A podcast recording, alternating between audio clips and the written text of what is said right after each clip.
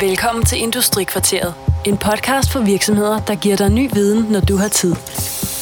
Dine værter er Marianne og Rasmus fra Brønderslev Erhverv.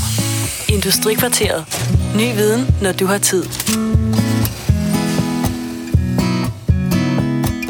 Hej, og velkommen til episode 22 af Industrikvarteret.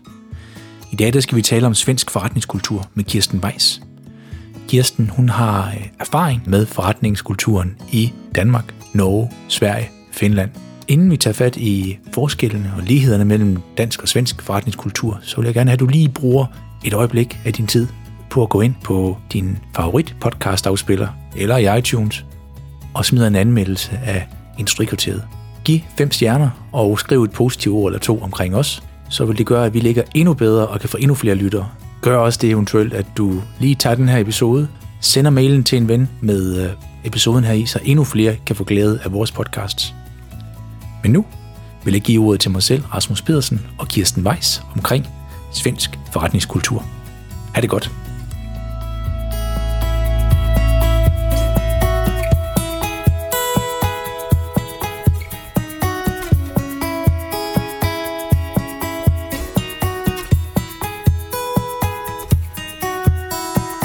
Dag skal vi tale omkring Sverige og svensk kultur, når du som virksomhedsejer skal øh, handle og tale med svenskerne. Til at hjælpe os med det har vi fået besøg af Kirsten Weiss. Jeg må gerne kalde dig specialist i øh, forskellene i øh, kulturen i Skandinavien. Må jeg ikke, Kirsten? Det må du gerne, men jeg er jo først og fremmest journalist. Og som journalist, der har du også erfaring med at arbejde både i, i Danmark og Sverige og samarbejde med Norge Ja. og Finland, som jeg husker det. Jeg har boet, øh, jeg har boet i Sverige. Jeg har boet i Stockholm og arbejdet i en skandinav, meget skandinavisk virksomhed, nemlig øh, SAS. Arbejder på hovedkontoret der. Øh, og senere har arbejdet på den danske del af SAS, og selvfølgelig arbejdet rigtig meget med nordmænd også, fordi de også er en del af SAS. Ja. Og det var faktisk, øh, i forlængelse af, at jeg læste din bog, Når Vikinger slås, der udkom for længe siden efterhånden, at øh, jeg tænkte, når jeg alligevel var i København, så ville jeg gerne rykke dig i ørerne og så høre lidt omkring Sverige. Mm. Nu siger du, du har arbejdet på øh, ved SAS i Sverige og i Danmark. Ja. Man må aldrig generalisere jo, men hvad kan man sådan sætte op af, af typisk dansk og typisk svensk adfærd på arbejdspladsen? Ja, altså der er jo, øh, jeg vil gerne starte med at sige, der er jo lidt forskel på, hvad, hvad jeg øh, har set sådan udtrykt helt konkret i de måder, man, man arbejder sammen på. Øh, og så alt det, vi går og forestiller os nogle gange om hinanden her i Skandinavien. Fordi der er jo sådan en, øh, vi er jo meget glade for i Skandinavien at sige, at noget er typisk, det er typisk svensk, eller det er typisk norsk, siger vi i Danmark. Og de siger givetvis det samme om os. Men øh, en af mine pointer, det er jo, at vi ligner hinanden utrolig meget i Skandinavien. Og derfor er det så let at øh, samarbejde og handle og forhandle. Øh, men når det så er sagt, så er der også nogle forskelle på den måde, vi går på arbejde på, og, og den måde, vi til dels også på den måde, vi lever vores liv på. Hvis jeg skal skære det så meget skarpt i forhold til danske og svenske arbejdspladser, så har Sverige en øh, langt større tradition for at have konsensus. At det er meget, meget vigtigt, at man bliver enige om tingene. Og øh, lange diskussioner, det er absolut et plus i en svensk organisation og også i en svensk forhandling. Øhm, hvor vi i Danmark godt kan lide at gå lidt mere til stålet lige med det samme, gå til bidet, og det der med at være hurtig, det er en dyd i Danmark, hvor man kan sige, at grundighed er en dyd i Sverige. Så det er meget refleksionen, de, de lægger vægt på i Sverige, og, og tiden til diskussionen, hvor at, øh, i Danmark, der skal vi sælge, og det skal vi gøre hurtigt. Ja, det er, det er en meget god måde at sige det på. Øh, I Sverige er der, og, og nu generaliserer jeg, det skal vi lige huske, øh, nu kommer jeg til at generalisere igen, øh, som, som vi gør rigtig ofte, men i Sverige er der sådan en, en grundlæggende tillid til, at øh, hvis vi vender hver en sten og hører alles meninger, så får vi også øh, noget mere på bordet, som kan være vigtigt. Vi kan få noget ny viden. Og i Danmark, der har vi lidt mere den der øh, sådan kommercielle købmandsagtige holdning med, at øh, jeg har ikke tid til at vente på dig, for hvem ved, hvilke kommercielle muligheder, der venter omkring det næste hjørne. Så øh, det der med at være hurtig er meget vigtigt i Danmark, og det der med at vende hver en sten er meget vigtigt i Sverige. Så hvordan med øh, organisatorisk forholdet mellem chef og medarbejder? Hvordan ligger det så imellem Danmark og Sverige? Ja, det er jo sjovt, fordi eller det, når man ser et øh, organisationsdiagram, så vil du overhovedet ikke kunne se nogen forskel på danske og svenske virksomheder. Men der var engang en, øh, en svensk chef, som sagde til mig, han havde arbejdet i Danmark, og han sagde til mig, en, øh, en svensk chef, som ikke kommunikerer, er en død chef. Øh, og, og i Danmark mente han, der kunne man i højere grad slippe afsted med nogle gange at udstikke en ordre. Og så kan det godt være, at der bliver brokket over det længere ned i gelederne, men et eller andet omfang klapper man mere hælene sammen i Danmark og udfører chefens ordre, mente han. Øh, jeg tror, der er noget om det forstået på den måde, at øh, Sverige har en meget lang tradition for, at alle øh, lag i organisationen skal være informeret. Og de har en meget stærk øh, tradition for også at involvere fagforeningerne. Øh, det er jo noget, som topchefer i SAS har slidt med i rigtig mange år, og de skulle forholde sig til 39 forskellige fagforeninger. Men det der med at øh, kommunikere og informere hver eneste led i organisationen, tror jeg er lidt vigtigere i Sverige, hvis man skal have sine medarbejdere med. Det er sjovt, for jeg havde egentlig troet, det ville være omvendt. Øhm, det man meget hører, der skal man selvfølgelig passe på, det er, at svenskerne er mere regelrette end danskerne. Ja, det er jo det der med, at øh, mange siger, at svensker er regelrette, og de er, der er også nogen, der siger, at de er kedelige. Øh, selv plejer jeg bare at sige, at de er mere formelle og en hel del høfligere, end vi danskere er. Øh, det der med at være lidt øh, tilbageholdende, før man kender mennesker øh, godt, det, det er lidt vigtigere i Sverige, end der er i Danmark, hvor vi meget hurtigt øh, går hen og bliver joviale og ironiske, og nogle gange også sarkastiske. Og der vil jeg sige, at svenskerne de er øh, lidt mere forsigtige, de holder lidt mere på formerne. Og så skal vi heller ikke tage fejl af, at der også er en sproglig barriere nogle gange, som gør, at man måske som svensker også kan blive lidt stiv, hvis man ikke forstår, øh, hvad en, altså stiv i betrækket, mener jeg her, hvis man ikke forstår, hvad ens danske kollega siger, eller de synes, vi taler enormt hurtigt, øh, og det er svært ved at forstå os. Og så holder man måske lidt mere på formerne. Men det går jo begge veje, øh, afhængig af hvorhen i Danmark man er også. Øh. Du tænker på en sproglig forståelse? Ja. Ja, helt klart. Altså danskere har utrolig svært ved at forstå svensker efterhånden også. Øh, jeg tror meget hænger sammen med, at vi ikke mere ser svensk tv. Øh, I den del af Danmark, hvor jeg voksede op, der så vi svensk børnetv hele min barndom. Øh, hvis jeg har mine egne børn med til Malmø, bare så fatter de intet. Så vi er rigtig dårlige til at forstå hinanden efterhånden, og det er ærgerligt, fordi der er, det er faktisk øh, tre sprog, som kommer fra den samme sprogstamme. Det er relativt let at lære at forstå hinanden. Øh, og da jeg arbejdede i Stockholm i SAS, der talte vi jo skandinavisk, og det var uproblematisk. Og man lærte ret hurtigt, at hvis der var noget, man ikke forstod, så var man nødt til at spørge. Men det, det tager mig også frem til næste spørgsmål egentlig med, hvilket sprog man skal tale, når man er derovre. Skal man øh, tale dansk? Skal man prøve svensk? Eller skal man øh, slå over i engelsk? Ja, altså jeg har jo mange år advokeret for, at vi skulle blive ved med at tale vores eget sprog, og så øh, iblande det, de gloser, som er meget anderledes på det andet sprog.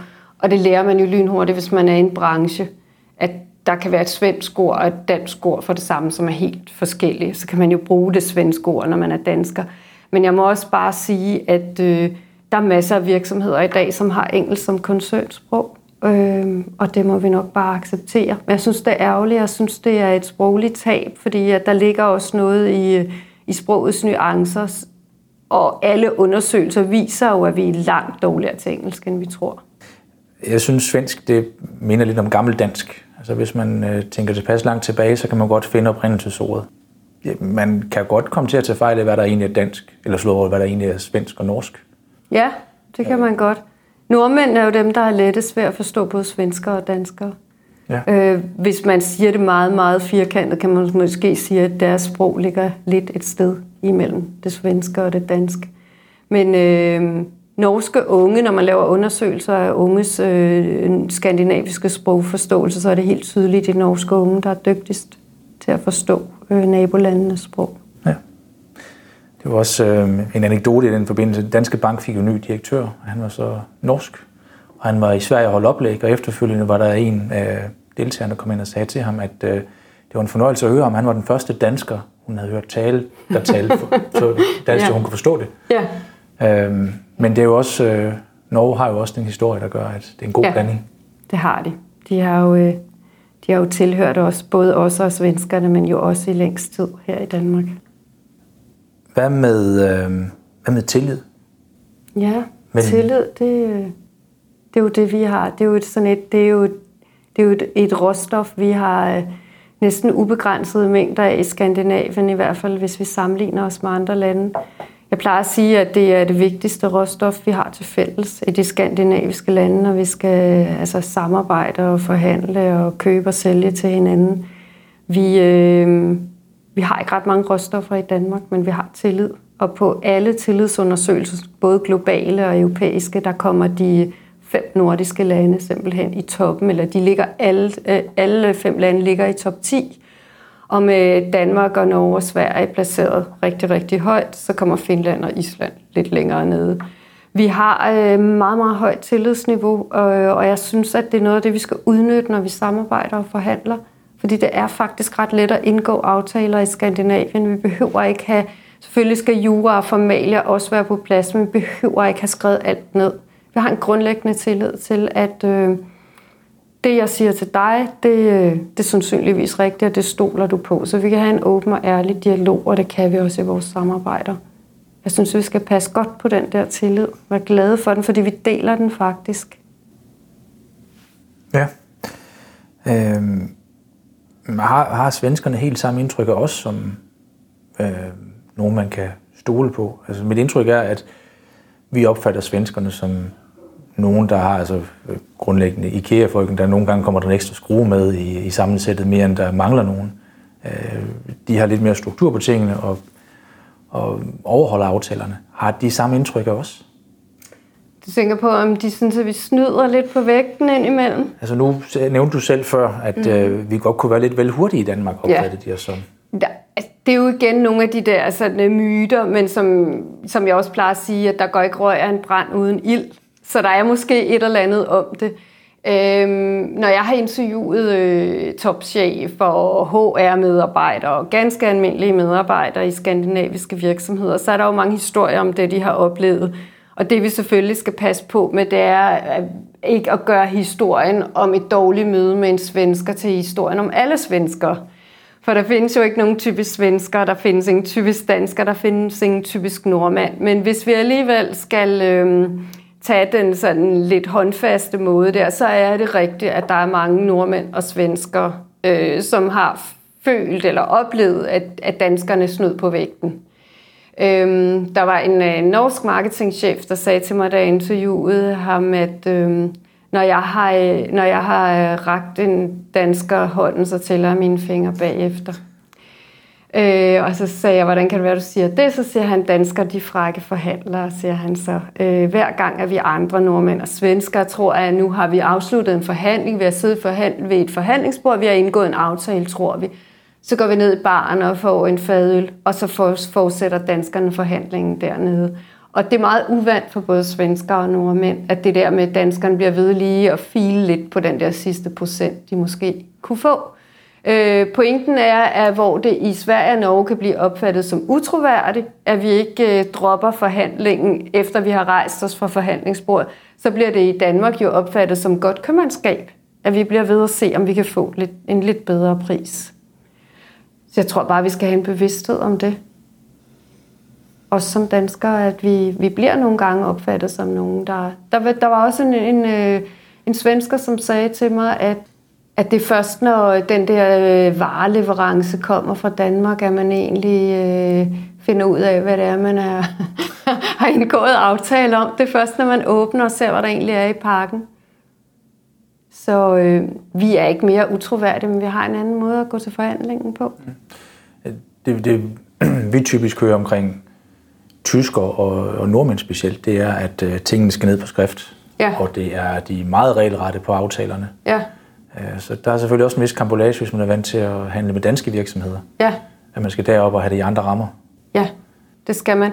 Og det er måske der, man som dansk virksomhed skal være lidt bedre til nogle gange bare acceptere, sådan det er det. At vi, at vi synes, at måske at det er lidt pjat, og hvorfor skal de være så regelrette, og altså vi tager det hen ad vejen, og den der, meget, den der danske måde, sådan at det ordner sig, og det går nok, og sådan noget den kan godt provokere nogen, fordi at de opfatter det som, øh, at så har vi en lidt usikker, ustabil aftale, hvis vi ikke har noget på skrift, der kan vi nu stole på ham der, når han ikke vil skrive det ned, og han ikke vil skrive noget under. Så der tror jeg bare, at man, øh, ja, man skal selvfølgelig altid prøve at finde fælles i det, men jeg tror også som danskere, at vi bare nogle gange skal acceptere, at de andre har behov for at skrive det ned. Øhm, hvad med virksomhederne i Sverige? Nu hører vi meget om, at de danske virksomheder, det er, det er små ja. og mellemstore virksomheder. Ja. Man kan sige, at grundlæggende har Danmark og Sverige en helt øh, forskellig erhvervsstruktur, og de har også en, et, en helt forskellig historie, selvom vi deler rigtig meget fælles historie. Men man kan sige, at erhvervshistorien i Danmark er jo historien om et, et land, som ikke har ret mange råstoffer. Altså vi har noget, noget god landbrugsjord mange steder i Danmark, som vi jo har levet rigtig fedt af, og op til omkring 1960 var landbruget stadigvæk det største erhverv i Danmark. Og så har vi fundet lidt olie, slet ikke noget sammenlignet med nordmændene, men vi har dog lidt råstoffer i den der olie. Så derfor har vi jo været nødt til at være de der super gode købmænd, som øh, kunne handle på alle verdenshavene og også være gode til at anprise og brande vores varer. Jeg plejer at bruge som eksempel nogle gange, at uanset hvor jeg har rejst i verden, så, øh, så står der på et eller andet, en eller anden hylde øh, hos den lille købmand, så står der sådan en dåse lur, øh, øh, øh, Danish butter cookies. Eller også så ligger der en pakke lurpak smør i øh, køledisken. Og det er jo bare smør, det er jo bare småkager, men vi har været virkelig dygtige i Danmark til at brande vores varer.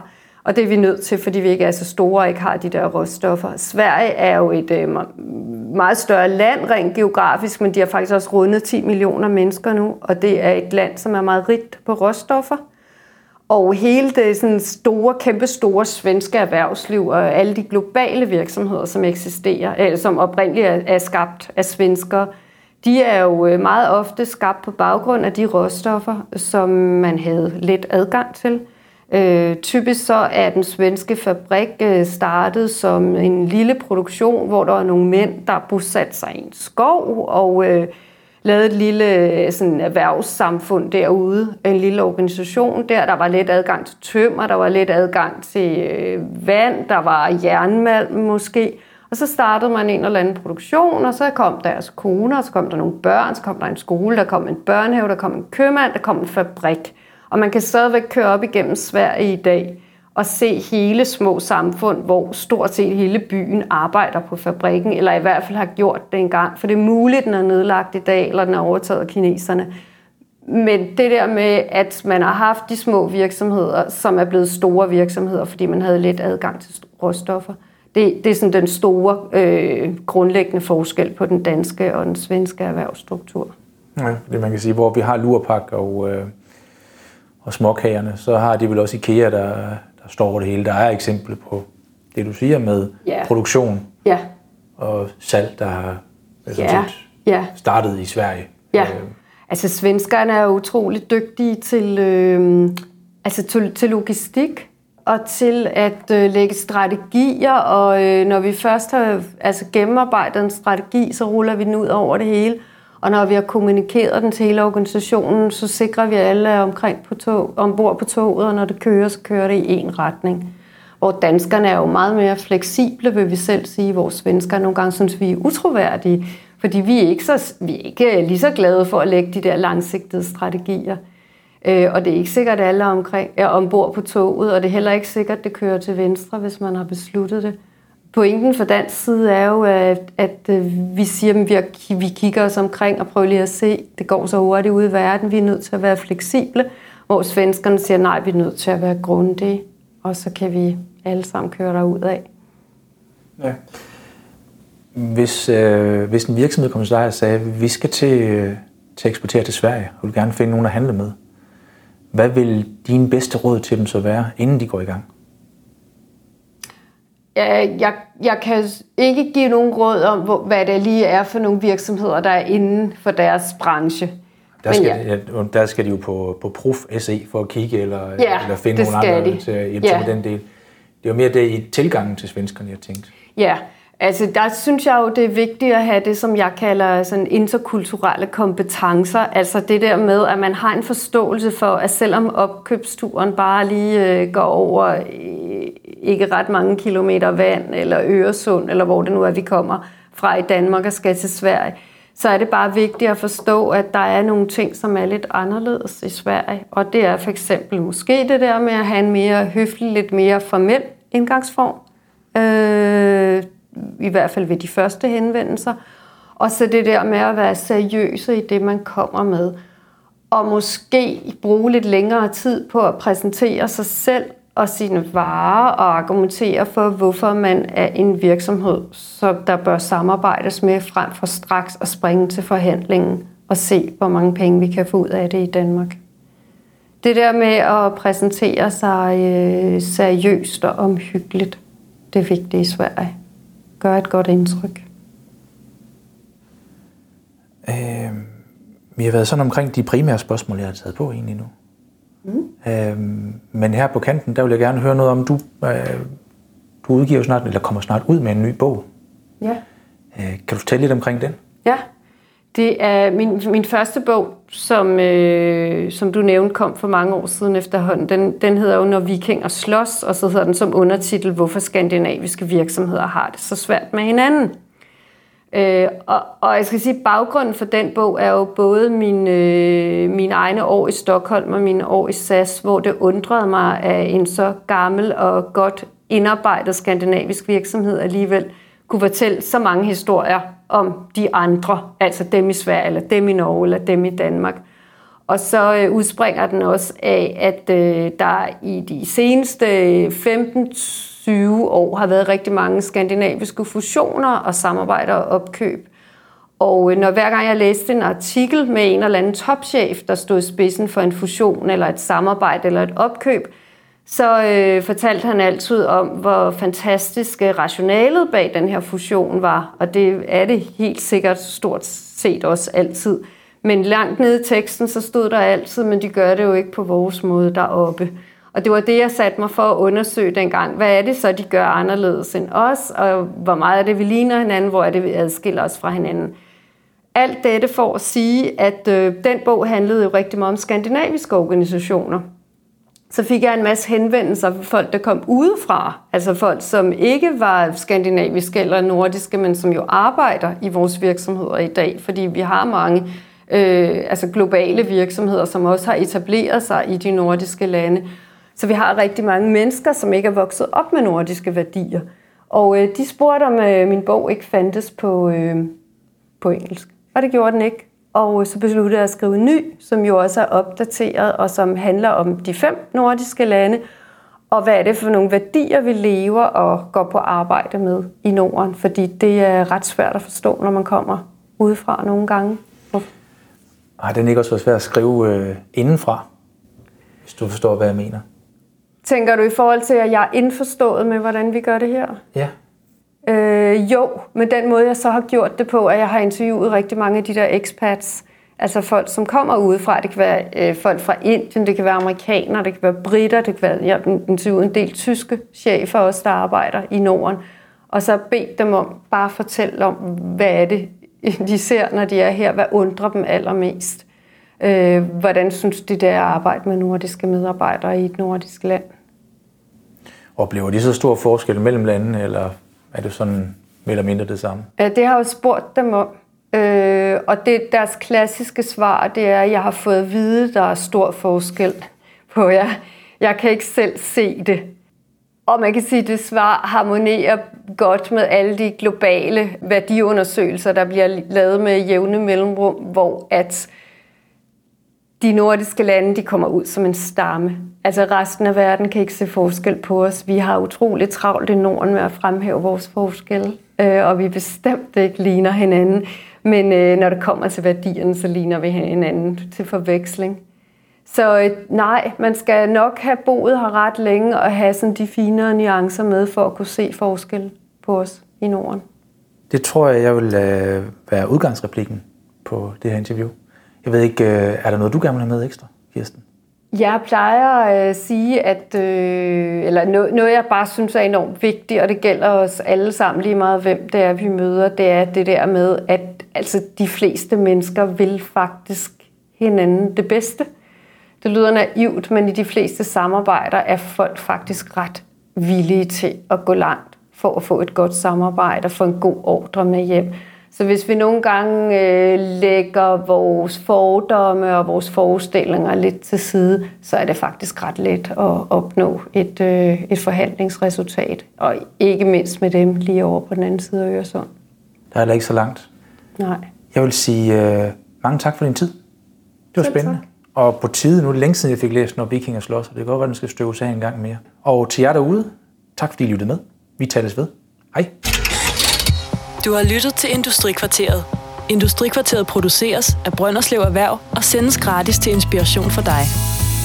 Vil du høre tidligere episoder, kan du hente dem på brønderslevererhverv.dk eller iTunes. Der kan du også abonnere på dem som podcast. Du kan kontakte os på erhvervsnabelag 99 3x45.dk eller på telefon 99 45 52 00.